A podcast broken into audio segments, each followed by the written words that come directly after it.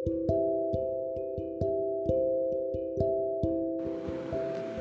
everyone, dari Colvin Leatherback. Kali ini akan membahas jenis kulit sapi yang dipakai untuk berbagai produk fashion seperti bag dan aksesoris. Produk kulit sapi memang menjadi pilihan utama kebanyakan orang dikarenakan bukan saja bentuk atau modelnya yang baik, namun durability-nya yang tahan cukup lama. Kalau kita googling atau search di marketplace, tentu banyak sekali kita temui leather bag atau aksesoris dengan tulisan bahan dari genuine leather. Harga pun sangat bervariasi dan tidak jarang kita temui penawaran dengan harga yang sangat murah. Nah, sebelum kita membeli, baiknya kita paham tentang kulit yang berkualitas. Apa sih itu genuine leather? Secara harafiah, artinya memang adalah kulit asli. Mari kita simak betulkah genuine leather adalah kulit yang berkualitas. Ada tiga tipe daripada kulit sapi yang akan kita bahas, yaitu full grain, top grain, dan genuine. Kulit sapi yang masih mentah memiliki berbagai jenis ketebalan dimulai dari 6 mm sampai dengan 10 mm Tentu saja kulit ini tidak dapat langsung digunakan menjadi produk jadi, tetapi perlu diolah terlebih dahulu. Umumnya kulit dibelah menjadi dua bagian, yaitu potongan atas atau kita sebut dengan top cut dan potongan bawah yang disebut dengan bottom cut. Pengolahan kulit berdasarkan pesanan atau keinginan customer sebagai pemilik brand. Sehingga jika customer ingin menggunakan produk kulit dengan ketebalan sekitar 1,4 mili, maka proses pembelahan dilakukan dari sisi atas dengan mengambil sekitar 3 mili.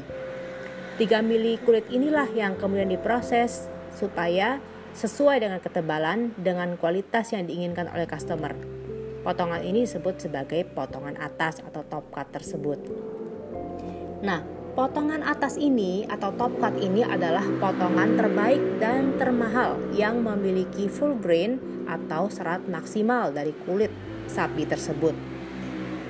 Sedangkan potongan bagian bawah adalah potongan sisa dan sering kali diproses untuk pengolahan lebih lanjut. Top cut ini kita sebut sebagai full grain leather yang merupakan kulit yang memiliki grain atau serat atau urat kulit yang lengkap dan penuh.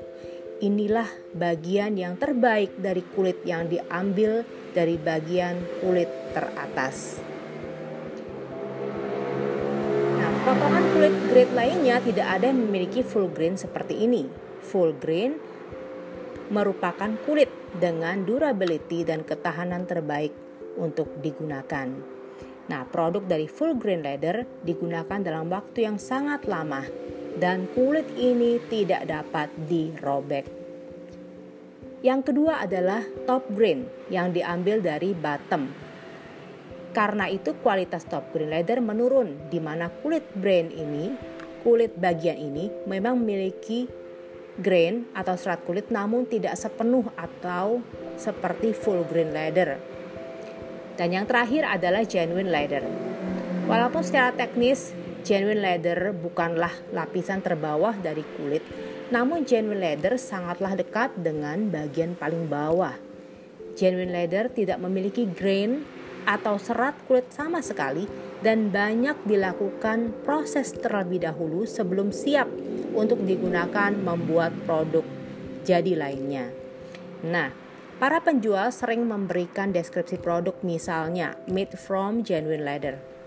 Tentu ini memberikan kesan yang mahal dan menjadikan produknya adalah produk premium.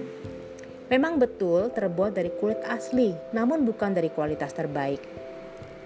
Khususnya di Indonesia, hampir tidak pernah orang yang menjual menjelaskan jenis bahan kulit yang digunakan. Biasanya tidak hanya meyakinkan, orang hanya meyakinkan bahwa ini adalah kulit asli atau genuine leather. Kulit asli memang memiliki nilai lebih namun jika kulit tersebut merupakan kulit sisa atau yang berkualitas bawah atau rendah, tentu saja sebaiknya kita tidak menjadikan ini sebagai pilihan utama ketika kita membeli sebuah tas atau aksesoris lainnya.